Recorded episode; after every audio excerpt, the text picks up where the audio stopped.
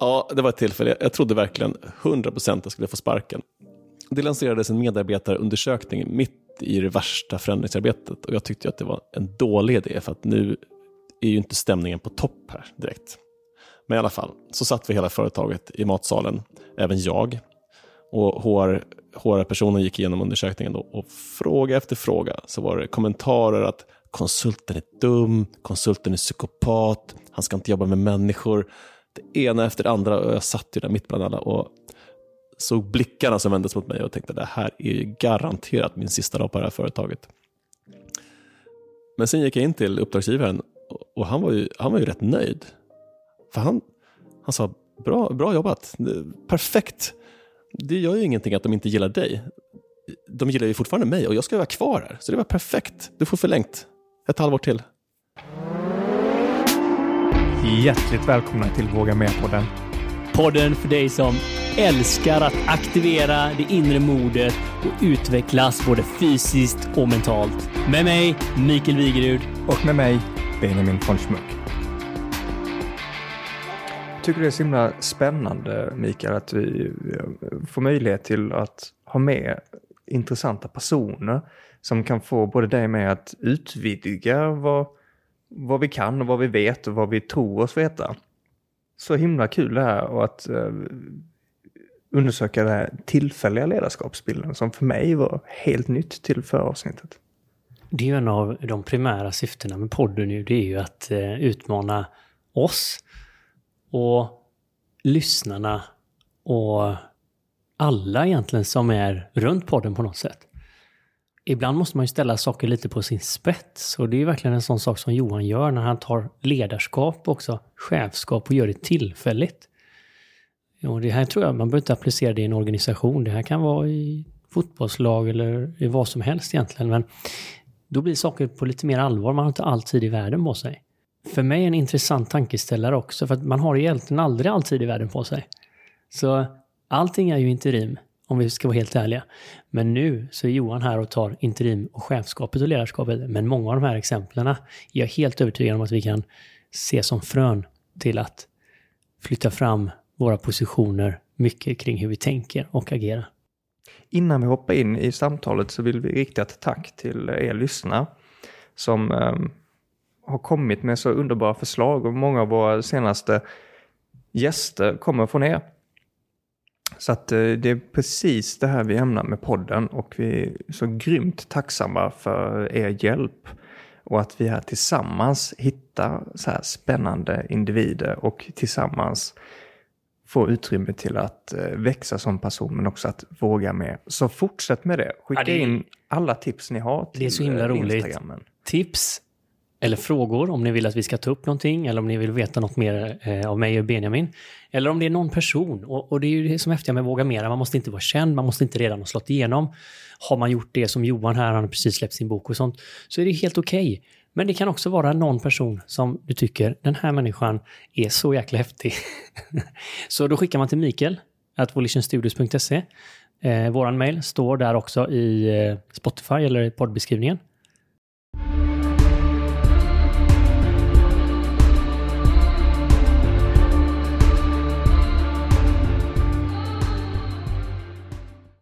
Härligt att vara tillbaka. Härligt att ha med oss dig här Johan. Härligt att vara här.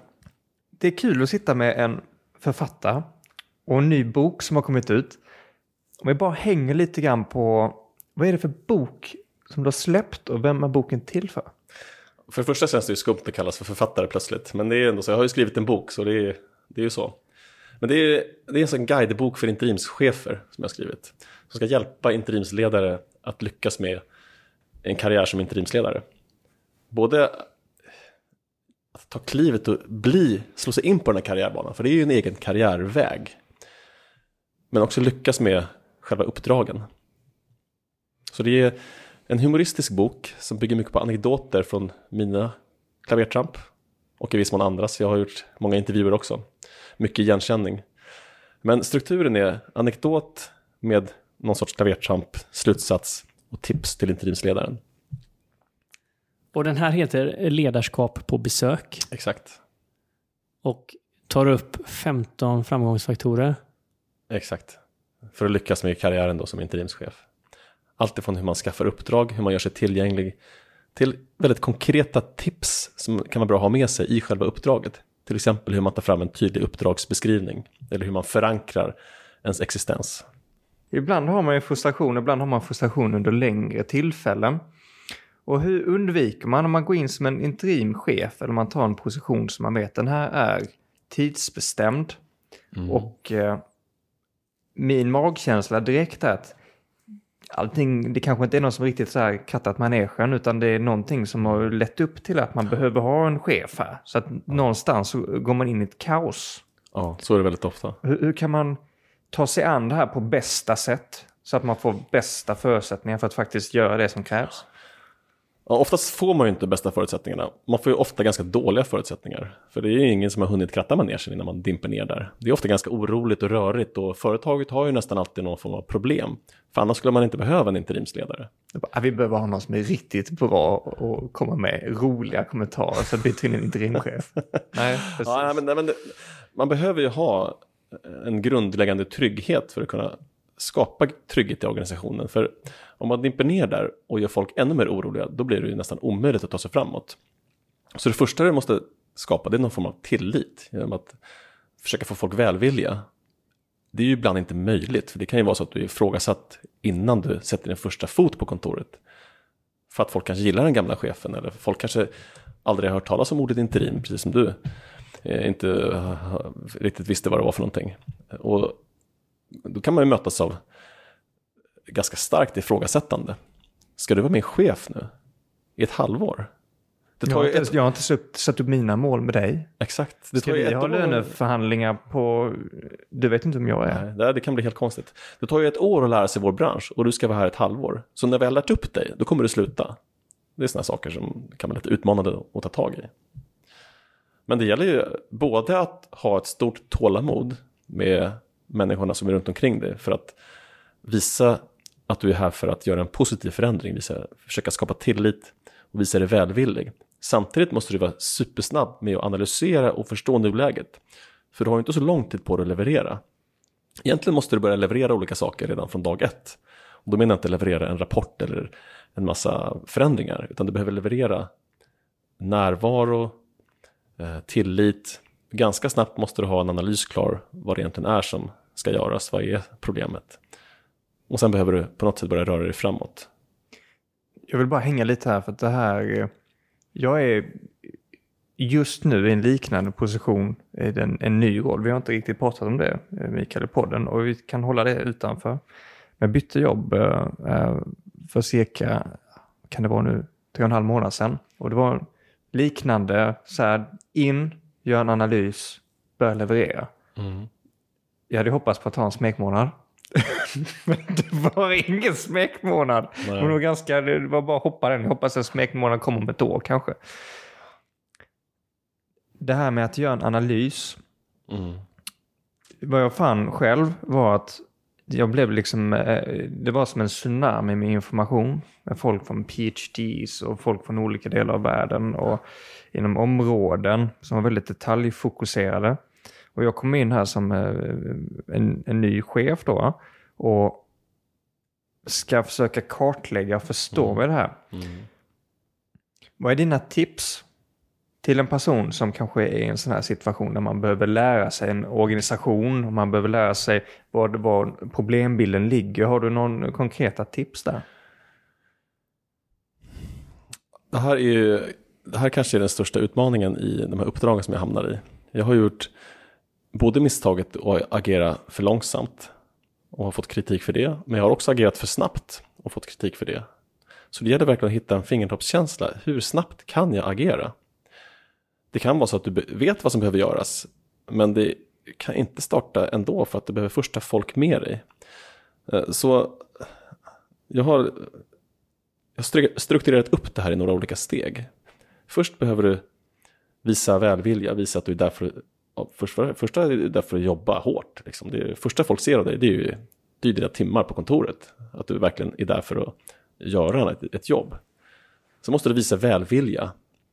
Försöka få folk med dig och, och, lita på dig och bli trygga i din närvaro. Och det kräver förmodligen ganska många samtal med var och en och många samtal i grupp och så vidare. Och sen behöver vi visa förståelse, att du förstår vad som behöver göras, vad problemet är, din analys. Och därefter, ja men då kan du börja röra dig framåt.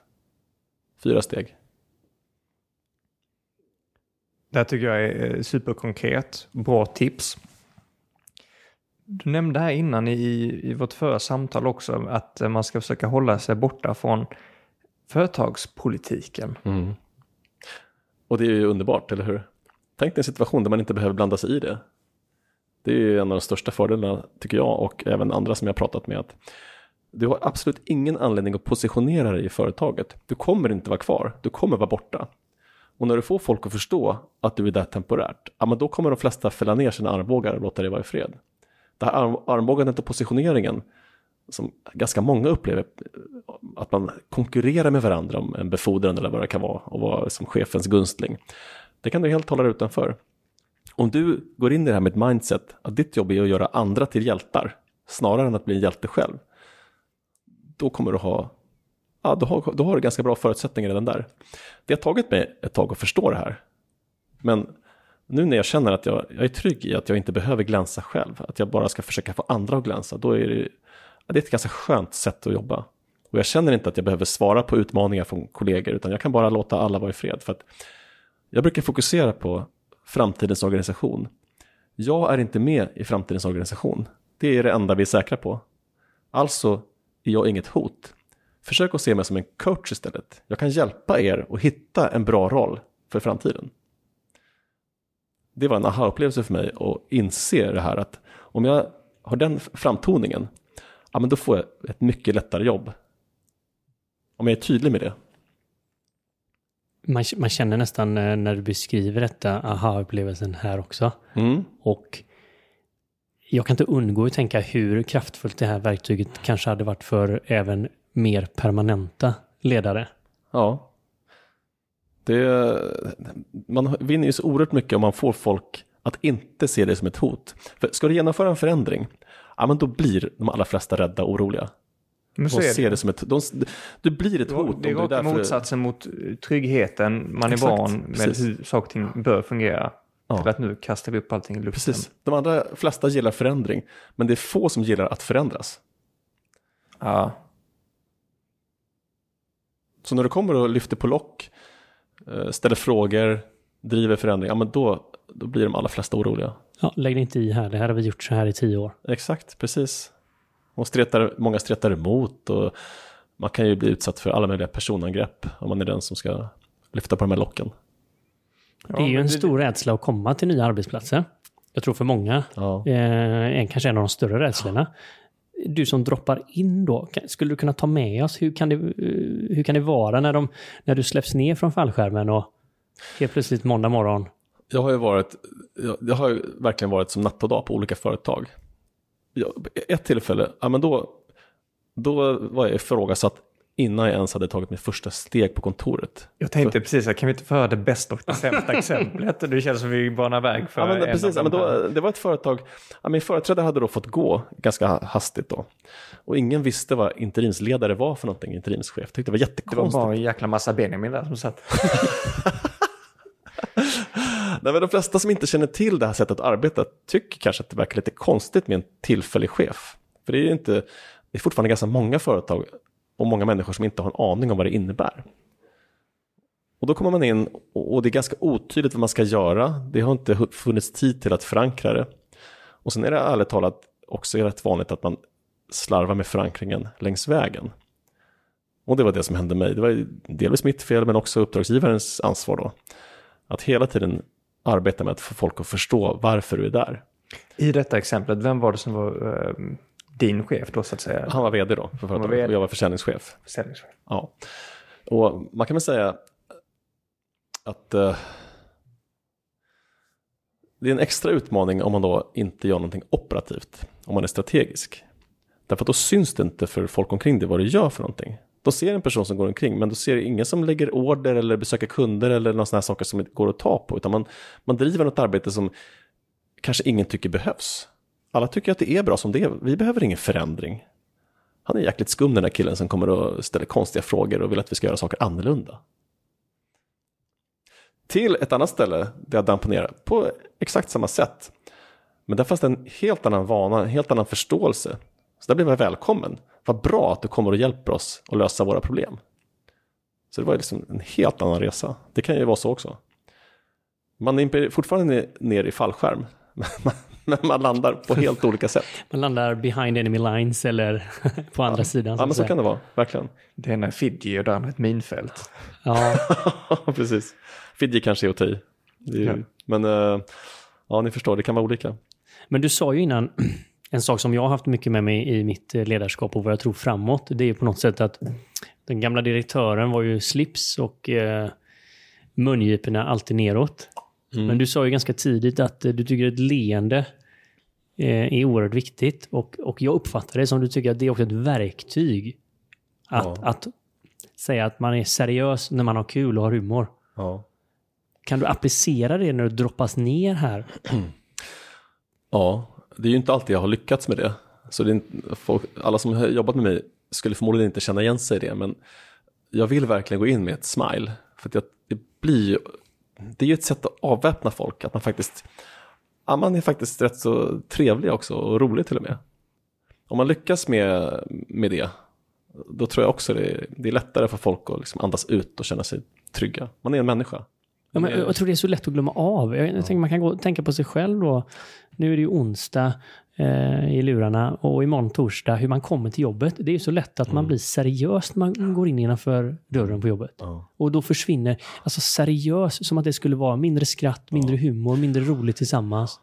Ja, jag har ju i många år varit chef och liksom fått, fått för mig att jag måste varje dag vara Mr. Perfect. Jag måste vara seriös, jag måste visa att jag jobbar hårt och allt det här. Och jag är förmodligen ganska oskön chef då, när jag tänker tillbaka på det. det var, men när jag ändå började inse att ja, men jag kanske kan släppa fram min, min gula sida enligt diskanalysen. Ja, men det, det blir förmodligen bättre då, för, det, för det första är det närmare mig att vara en rätt så skön typ som garvar lite då och då. Och så tror jag faktiskt också att folk trivs bättre när man är, ja, men för det första när man är sig själv och inte allt för allvarstyngd. Jag har en kompis som är, han har en skylt utanför sitt kontor som jag tycker är helt fantastisk. Det står det, allvar får endast tillämpas i yttersta nödfall. jag tycker ändå det, med, Ja, den är riktigt bra. det är en påminnelse. Det kan ju Ja. vara nödfall ibland som man måste vara allvarlig. Ja, ja, absolut. men det går nästan alltid tycker jag att blanda och lätta upp även allvarstyngda diskussioner med, ja, men med ett smile eller kanske ett garv. Ja, och den pekar ju mot eh, kanske motsatsen mot hur kulturen har varit i, i Mahognykorridorerna. Ja. Där det var eh, humor fick endast användas i ytter, var, Yttersta nödfall. yttersta nödfall. Det, men det är, så, det är så kul att ni, ni nämner det här nu. Ehm, Jag var i samtal med en kollega i fredags, så det är bara några dagar sedan. Han pratade om det när han var på ett annat bolag. Eh, Skillnaden med att jobba med olika personer. Och vi- om, vi- om vi lägger kompetensen vid sidan och så att kompetensen är samma för de här individerna så var det en tjej som alltid var så jäkla glad och Ja. positiv. Och det var bara liksom, det var så himla kul att jobba med henne. Så att när han kom tillbaka på samma arbetsplats som jag jobbar på nu, så första månaden han bara log hela tiden. Han bara log hela tiden. Han sa nej, det är inte längre för jag klarar inte av det. Men det var en sån skillnad med medarbetare, så att det är verkligen en strategi att kunna göra det också. Och så sa han det, att han gav ett exempel från ett, ett gäng som eh, kom med massa nya idéer. Och så sa han, kom igen, vi kör, det blir kul. Det är, det är inte jag så van att höra när man är på arbetet, att folk säger, ah, men vi undersöker det här, kom igen, det blir kul. Så det är så här, jaha, okej, då ska vi undersöka det också. Mm. Det är ju ganska svårt att vara ledare. Alltså, jag tycker själv att jag har fått kämpa med att bli en bra ledare. Jag har inga naturliga ledaregenskaper. Jag växte upp som lillebror och decemberbarn. Var liten till växten och var mycket mer en follower. Jag blev roliga killen liksom, i klassen för att jag var liksom ganska liten och dålig på fotboll Jag som kan, jag kan signa upp på den också, novemberbarn 28. Så att det, Ja, vi hade ju aldrig en chans, eller hur? Jag fick ju börja på judo för att det var enda sättet jag fick ner folk. Exakt. Ja, men då, då tycker jag att det känns som att vissa har varit ledare sedan barnsben. Ofta stora syskon som är stora och sådär. Liksom. Då tycker jag, då, men, de kan nog kliva in på ett naturligt sätt och bara vara ledare. Men jag tycker att jag har fått, ja, men fått kämpa en del för att hitta en ledarstil som jag tycker passar. Och vad jag kommer fram till det är absolut att, att charm och humor, för mig i alla fall, så är det ganska viktiga redskap. Men det är ändå ganska nyligen som jag har liksom vågat plocka fram de här egenskaperna. Så det har också varit en aha-upplevelse för mig. Jag tror att folk trivs mer om man, om man är lite mer lättsam faktiskt. Helt övertygad. Men precis som du säger, det är lite mot strömmen. Det är mot vad man Mm. kanske själv tror. Och att lita på den man är också. Oftast humor kommer ju inte när man har en roll på sig, utan det kommer ju när man är autentisk och Ja. närvarande och kan vara med människor i rummet och inte mister perfekta chefen måste vara där hela tiden. Ja, precis.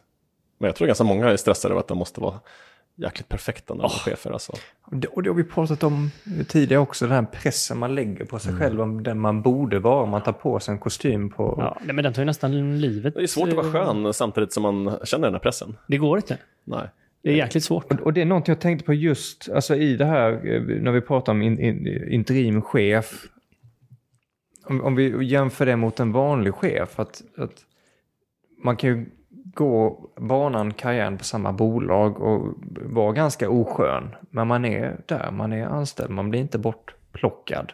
Och jag tror att många kan relatera med chefer som inte varit bra, eller inte utvecklat den, eller inte utmanat den, eller gett en skit när man kanske själv tycker att man inte förtjänar det. Men det finns ju massvis med olika exempel. Och eh, om jag läser mellan raderna så här, en nyckel till att kunna komma in och göra ett bra jobb som interimchef, det är verkligen att förstå sig på människor. Mm. Har vi något exempel här Johan, från din egen resa? Där du ehm, ja, antingen gått väldigt bra eller gått mindre bra? Det. Ehm, ja, alltså man kan väl säga hela, hela, hela boken kom till som en konsekvens av grejer som inte har gått så bra. Det är ju det är ett väldigt annorlunda sätt att jobba. Och jag, jag hade ju ärligt talat, jag kände ingen som jobbade som interimschef när jag började. Jag hade ingen att fråga. Jag letade efter saker att läsa om det. Jag letade efter nätverk, men jag hittade ju liksom ingenting. Så jag fick lära mig, lära mig själv genom att trampa snett ibland. Sen, sen lyckades jag väl reda, reda ut det hyggligt då, men det blev ju lite det hade kunnat vara en lättare resa. Man hade haft någon, någon att hålla i handen eh, i början. För det är, jag ser det som en ny karriär. Det är ett, helt- det är ett eget yrke att vara interimschef. Nu glömde jag frågan. Nej, men du, har ju, du har pratat om några, du har nämnt ordet klavertramp. Ja. Och jag uppfattade lite som det var det Benjamin eh, Jag- pekade lite mot. Jag, jag eh, tänkte just på den här, eh, o- oberoende på vad utmaningen är, så är det Ja. människor man jobbar med. Ja. Och det är oerhört viktigt. Är, Ja. och, och Ja, men största hur man jag håller sig till människor, Ja, hur det kan påverka både till det positiva men Mm. även det negativa. Absolut. Ja, men, äh, största misstaget jag har gjort, det är förmodligen att försöka peka med hela handen. Mm. Alltså inte bokstavligt men, men det krävs ju ibland ett enormt tålamod med människor som sätter sig på tvären. Och det har hänt att jag liksom inte har haft tålamodet och försökt, försökt visa musklerna, om ni förstår vad jag menar. Det blir... Agera utifrån någon typ av mandat. Ja, men nu är jag chef, nu bestämmer jag, nu gör ni bara så här. Och, ja, det blir sällan bra alltså. Det är, man får ha mer tålamod. Och om det behövs är det bättre då att hämta sin uppdragsgivare som får vara den som rättar in folk i ledet. För det, det kan ju vara svårt att få respekt när man är där, tillfälligt. Det kan vara svårt att bli accepterad som ledare när man är där tillfälligt. Och då, då ska man nog inte ens försöka få folk att rätta in sig i ledet. Då är det bättre att hämta personen som är där permanent. Och det är din uppdragsgivare i så fall. Kan vi få känna på det här som om du skulle berätta hur den här händelsen utspelade sig? Uh, nej men jag, uh, ja, ja men specifik situation, jag, jag höjde rösten. Det var ju helt fel. Och försökte få honom att rätta in sig i ledet. Men han slog ju bakut så det bara slog härliga till. Och det tog, tog Var, var det då liksom inför folk i en Nej, det var- möteslokal, det eller var var han och jag. måndag morgon? Och... Nej men det var bara han och jag. Men det var ändå så att, eh, och det där, det där spred sig och det gav mig, ja, det gav mig en ganska tuff start där. För att en jag, stämpel då så här. ja, jag blev stämplad som en hård och taskig typ. Som spred sig bland alla egentligen i företaget. Så då fick jag sen jobba hårt för att, för att rätta upp. Detta, Ja, och rätta upp exakt. Det. Ja, det är intressant för det där är ju klassiskt att det, det är så också man ska vara för att vara en bra chef. Ju, att peka med hela handen. Det tror faktiskt inte jag. Eh, Alltså, peka med handen bör göras endast i yttersta nödfall kan man väl säga då. Kan vi sätta upp en skylt till jämte? Exakt. Nej, jag, jag, tror, jag tror inte på det faktiskt. Nej, Framförallt inte som interim.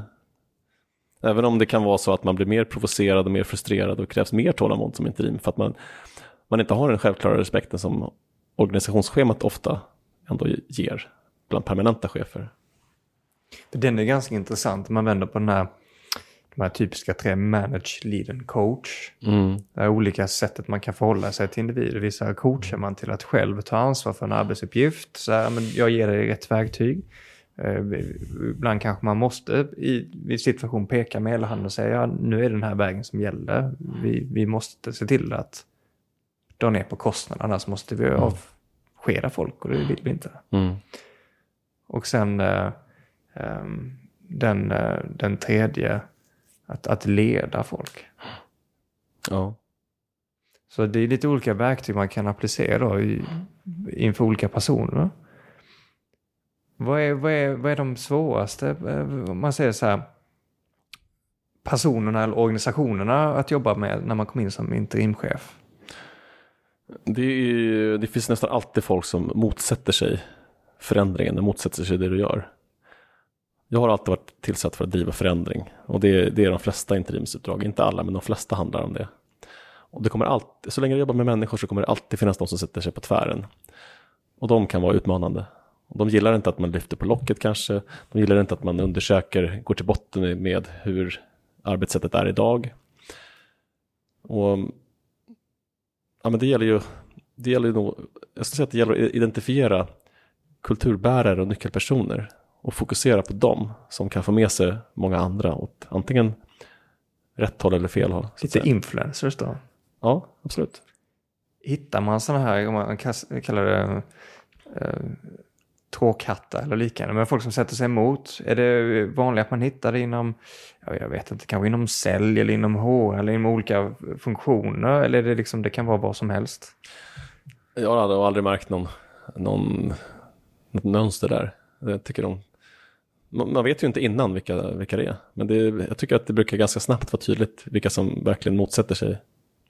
Är det folk som öppet säger någonting eller folk som kanske tvärtom är helt tysta? ja, Jag har varit med om folk som har varit oerhört öppna med att, att de inte gillar det jag gör eller mig som person. Och det har fått mig att fundera på, är det här verkligen någonting för mig? För jag, jag är en feelgood person egentligen som gillar att ha kompisar, att alla gillar mig. Men det måste man nog lära sig hantera, att, att det, man blir inte alltid populär. Jag tror det var Steve, Steve Jobs sa något klokt en gång. If you wanna be popular, sell ice cream. Ja. Don't be a leader. Sen ska man ju såklart inte gå in för att bli en populär, det är inte det jag menar. Men, men det är, ibland är det ju ändå oundvikligt. Du har ju en bok som eh, precis, precis har nått marknaden. Ja. Eh, Jag vet, hur, hur färskt eh, har du själv fått ett eh, riktig upplaga i handen? Ja, ja visst, den, den släpptes 21 april. Så den finns på Adlibris och Bokus och allt det här. Och på min hemsida har jag lyckats bygga en webbshop på polstjärnan.com. Ehm, ja, men så den finns ju... Det är en häftig, häftig känsla att hålla den i handen faktiskt. Den här Ledarskap på besök, Ja. det är din första bok. Ja, Och jag tänker det är många som går med en dröm av att skriva en bok Ja. eller släppa en gång. Hur, hur har det sett ut för dig? Hur har du... Jag ville ju skriva en bok redan för 15 år sedan när jag flyttade hem från Ryssland. Jag skrev anekdoter när jag bodde i Ryssland. Först började det med att jag bearbetade mina, alla mina jobbiga upplevelser. Men sen så blev det ganska bra material tyckte jag. Men då gjorde jag som jag trodde att man gjorde då. Satte mig på soliga kaféer med en kaffelatte och en laptop och tyckte att ah, men nu ska jag känna att demonerna komma här, nu blir det en bok. Ja, det blev ju ingenting förstås. Så det är, Va? Är det så man hela gör? min bild. det är inte så man gör, trot eller ej. Men det är bra Mikael, du vet hur du inte ska göra när du skriver din bok. Exakt. Ja, Jag har också träffat på många som har en halvskriven bok i byrålådan. Och, ja, men det krävs ju tid och energi och i mitt fall ett bokförlag. Jag skulle inte kunna göra det själv, utan jag behöver någon som hjälper mig med struktur och sätta deadlines och sånt där. Så jag började skriva i början på förra året. Ganska snart började jag kartlägga bokförlagsbranschen, helt nytt för mig. Och det är ju säljarbete, jag, jag gillar ju sälj. Men jag tog en lista med Sveriges 50 största bokförlag och så gick jag igenom dem. Kollade vilka som var relevanta. Så kunde jag ganska snabbt ta bort 40 av dem. Och sen eh, när jag ringde dem och pratade med dem, då kunde jag ta bort fem till, för de håller inte på med facklitteratur kanske då. Och till slut stod det, jag hade tre stycken som jag hade bra dialog med. Mm, och så backade ett av dem ur då av någon anledning och sen så backar jag ett till ur då. Så därför, därför valde jag då de här som jag har. Det låter nästan som, att, Kunskapshuset. som ett recept för hur man släpper en bok också. Det kanske är nästa uppföljare. Men då hade du, hur mycket hade du redan skrivit av boken eh, i detta Jag hade skrivit fem eh, provkapitel, då, fem kapitel, som var, tyckte jag, ganska bra skick. Och så hade jag skrivit en synopsis och ett säljbrev då, bakgrund till varför jag gör det här och vilka som är målgruppen. Och, för bokförlag, det är, ju, det är ju aktiebolag, de vill ju tjäna pengar. De vill ju veta att, att det finns någon köpare för det här. Därför behöver man beskriva lite grann hur marknaden ser ut för det här, eh, vilka andra har skrivit om ämnet och vilka är, vilka är målgruppen. Så att de förstår att ja, men de kanske vill att målsättningen ska vara att man kan sälja minst tusen stycken, annars tror jag inte de vill ta i den. Men eh, nej, sen, sen, det är ju jäkla massa hårt arbete. Sitta och skriva. Vissa dagar går lätt, man har inspiration och det känns hur bra som helst. Andra dagar är det ju för jävligt. Och för mig är problemet att den här skrivarprocessen är kreativ. Och då använder jag ju ganska mycket min höger hjärnhalva. Och självförtroendet på den sidan är supersvajigt. Vissa dagar känner jag mig som Fantomen, alltså det här kommer ju bara slå alla tiders rekord. Och så andra dagar känner jag mig så fullkomligt värdelös, det här är bara skit. Skrivit om en mening tio gånger. Vad sa du? Skrivit om en mening tio Ja, men gånger. då går, det- det kan verkligen gå troll det. Kan bli helt deprimerad. När jag jobbar analytiskt som jag brukar göra, men då är jag ganska stabil och tuffar på. Jag vet vad jag kan och vet vad jag, vad jag vill. Men det här kreativa som även kommer tillbaka inom musiken och sånt där, då kan det verkligen gå upp och ner som en jojo. Så det har jag fått brottas en del med, det här, det här alltså, mentala berg och dalbanan. Men det är ju superhäftigt hur du har utmanat det också och hur du faktiskt Ja. kan beskriva självförtroende i vänster hjärnhalva där du drillar, du tränar på Chalmers, du har jobbat analysiskt hela din karriär. Precis. Högra kreativiteten här nu. Men grejen är att höger hjärnhalva ger mig så enormt mycket större kickar än den vänstra. Men Så det, uppsidan är ju fantastisk. Jag kan skriva, alltihopa börjar faktiskt med att jag började skriva referat från min sons fotbollsmatcher under pandemin. Föräldrarna fick inte komma och kolla på matcherna, så jag tyckte synd om dem, så jag började skriva referat. Och, och, jag fick ganska mycket uppmärksamhet för de här små fotbollsreferaten. Folk tyckte det var kul och sådär. Liksom. Och det kände jag bara, fan vad gött, de gillar det jag skriver. Bara, yes! Det var mycket roligare än när jag gjorde något bra på jobbet. Liksom. Och då insåg jag, fan nu ska jag skriva den här boken. Det var liksom det som fick mig, min trigger. Att jag fick uppmärksamhet för mina små fotbollsreferat. jag, jag, Ja, men en liten boost där, att kom igen. Verkligen. Alltså, universum sa ju till det nu, sitt inte med den här boken nu. Men apropå skrivandet, en sak till. Det som var jobbigast för mig, det var ensamheten. För det är en ensam grej att skriva en bok. Många timmar på min kammare. Och jag diggar inte det så mycket, alltså att vara ensam. Men, Men eh, eh, nu förhoppningsvis så bjuder ju boken igen till många härliga möten och träffar och så det absolut, jag hade ju inte suttit här annars. Exakt, vi är väldigt tacksamma för detta. ja, men det är faktiskt jättemycket roliga, helt nya situationer som jag hamnar i. Så det är... Alla som har en halvskriven bok i byrålådan, skaffa nu ett jäkla förlag. Avsätt tid och gör klart skiten. Det är mitt råd. Som eh, en person som läsa boken, Mm. vad är ditt tips på hur man ska läsa boken? Ja, eh, den ska man... Eh, först ska man läsa den från perm till perm. För den är, hoppas jag, så pass rolig, intressant och kort så att du orkar göra det utan att tröttna. Och sen när man är i uppdragen eller är inför utmaningar, då kan man gå tillbaka och ha den som uppslagsbok. För de här 15 framgångsfaktorerna, de beskriver 15 ganska tydliga situationer och utmaningar som man, ja, men som man då och då hamnar i. Och då kan man gå tillbaka där, läsa på hur andra personer har gjort och ta till sig av de här ganska konkreta tipsen. Så finns det lite mallar också som man kan använda sig av. För, för är det på något sätt man kan lära sig så är det antingen att man går fel steg själv och blir Mm. liksom, man bränner sig och så vet man vad, in, man inte ska göra. Eller så kan man lära sig från andra som har gjort Exakt, det. Precis. Det smarta lära av sina egna misstag. Det som är ännu smartare är att lära av andras. Och de här mallarna då, är det... Det är till exempel hur man tar fram en uppdragsbeskrivning. För om man ska lyfta fram en framgångsfaktor som är viktigare än alla andra, då skulle jag säga att det är en tydlig uppdragsbeskrivning. Att det verkligen är glasklart. Vad ska du göra? Vad är resultatet, målsättningen? När ska det vara klart? Och vad ska du inte göra? För går man in som chef var som helst som anställd, då tar man ju en jäkla massa ansvar. Och då är man ju duktig om att ta på sig mer ansvar. Alla gillar ju folk som tar på sig mer ansvar. Ja, men jag tar den, jag tar den. Liksom. Då slutar man med jättebrett ansvar. Gör du det som interimschef, då kan du ju vara ganska säker på att du får inte så mycket gjort inom det prioriterade området. Så du måste verkligen vara superfokuserad. Och är det inte glasklart vad du är där för att göra, ja, men då är det stor risk att du gör kanske någonting jättebra, men fel sak. För det är, oftast, det är faktiskt ganska ofta som företag tar in interimschefer utan att fundera igenom exakt vad de vill ha gjort. Man vet ungefär, men inte exakt. Och vet man bara ungefär, ja, men då är det ganska liten chans att man får gjort det man exakt vill. Man kan vara ganska säker på att det märks om nu interimschefen gör lite, lite fel sak. Men det kanske man inte har tänkt på från början. Nej, och det här låter ju som ett fantastiskt tips i livet egentligen Ja, också. Jag håller faktiskt Att, med. att sålla, och precis som du säger, till exempel om man nu ville skriva klart sin bok, så såg vi hur du pekade med händerna förra gången, hur man måste snäva ner antalet saker man gör och rikta sitt fokus under en period Ja, på det som du verkligen. säger som måste göras. Eller man vill. Vill och måste i detta fallet i livet kan ju vara samma. Ja, precis. T- tänkte på en grej där med, nu tog du in livet också Mikael. Och jag tänkte faktiskt på andra karriärer eller andra.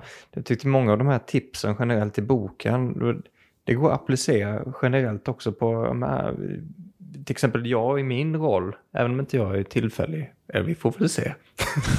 Nej, men att, att Precis, det här med att verkligen så här, vad är det som ska levereras? Vad, vad krävs Ja. för att göra det? Att man eh, checkar av vissa av de här boxarna. Det känns som Mm. att det finns massvis med tips även om man inte... Jag håller faktiskt med. Och det, och det har jag, jag har fått eh, ganska mycket kommentarer om det efter att, att, jag, efter folk, att folk har läst boken och höra mig föreläsa om den. Då har jag fått kommentarer, ja men du, det här gäller ju allt ledarskap. Och jag har liksom hajat till, för det är inte så jag har tänkt. Jag har skrivit den med glasögonen bara interimschefer. Men när jag tänker efter en vända till så inser jag att ja, men det ligger någonting i det faktiskt. För att alla de här tipsen, eller i alla fall många av dem, ja, men de är nog ganska vettiga att fundera på när man är ny som anställd chef också. Jo, lägga till. Eh, man är en ledare även om man inte är en chef också. Ja, exakt. Det är därför jag använder ordet interimsledare mer än interimschef. Då. Mm, precis. Och många gånger så måste man ju spetsa saker lite Mm. för att se klarare på det. Och det är det som är lite häftigt här. Du spetsar till det, du sätter en tid på det, du sätter en tillfällighet och då måste man vara på sin spets. Man har inte tio år på sig, man har sex Nej, månader här. Exakt. Men tänk om en permanent chef skulle tänka att mina första sex månader är de viktigaste Ja. jag har.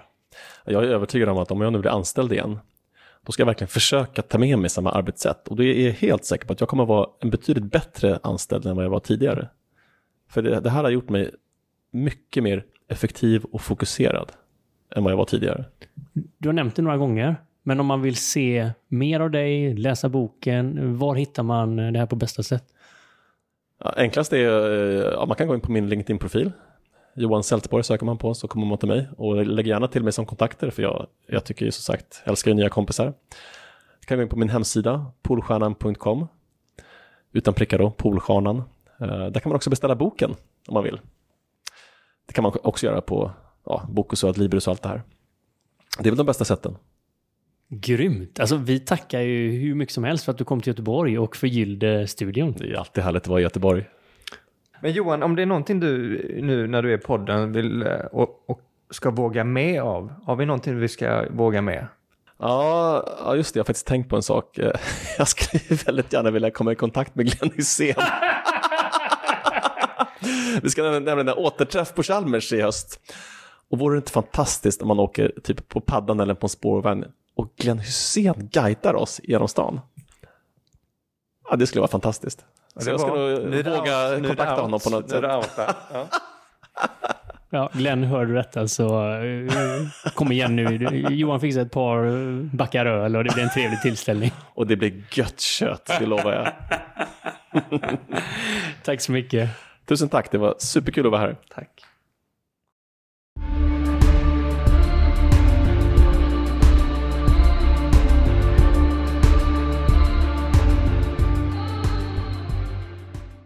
Du har precis lyssnat på Våga Mer-podden med mig, Benjamin. Och med mig, Mikael. Vill du höra mer av oss så måste ni ju såklart prenumerera på podden. Och det gör ni genom att ni klickar i den här klockikonen där poddar finns. Det brukar vara som en, en liten, liten, liten ikon. Så se till att ni hittar den så är ni med nästa avsnitt och nästa igen och nästa igen och nästa igen och ni är alltid uppdaterade. Och är det en sak som vi verkligen tycker om i Våga Mera-podden så är det ju att vi tillsammans engagerar oss. Så in på våra sociala kanaler, kommentera, dela och inspirera varandra. Ha en magisk vecka till nästa gång så syns vi snart igen.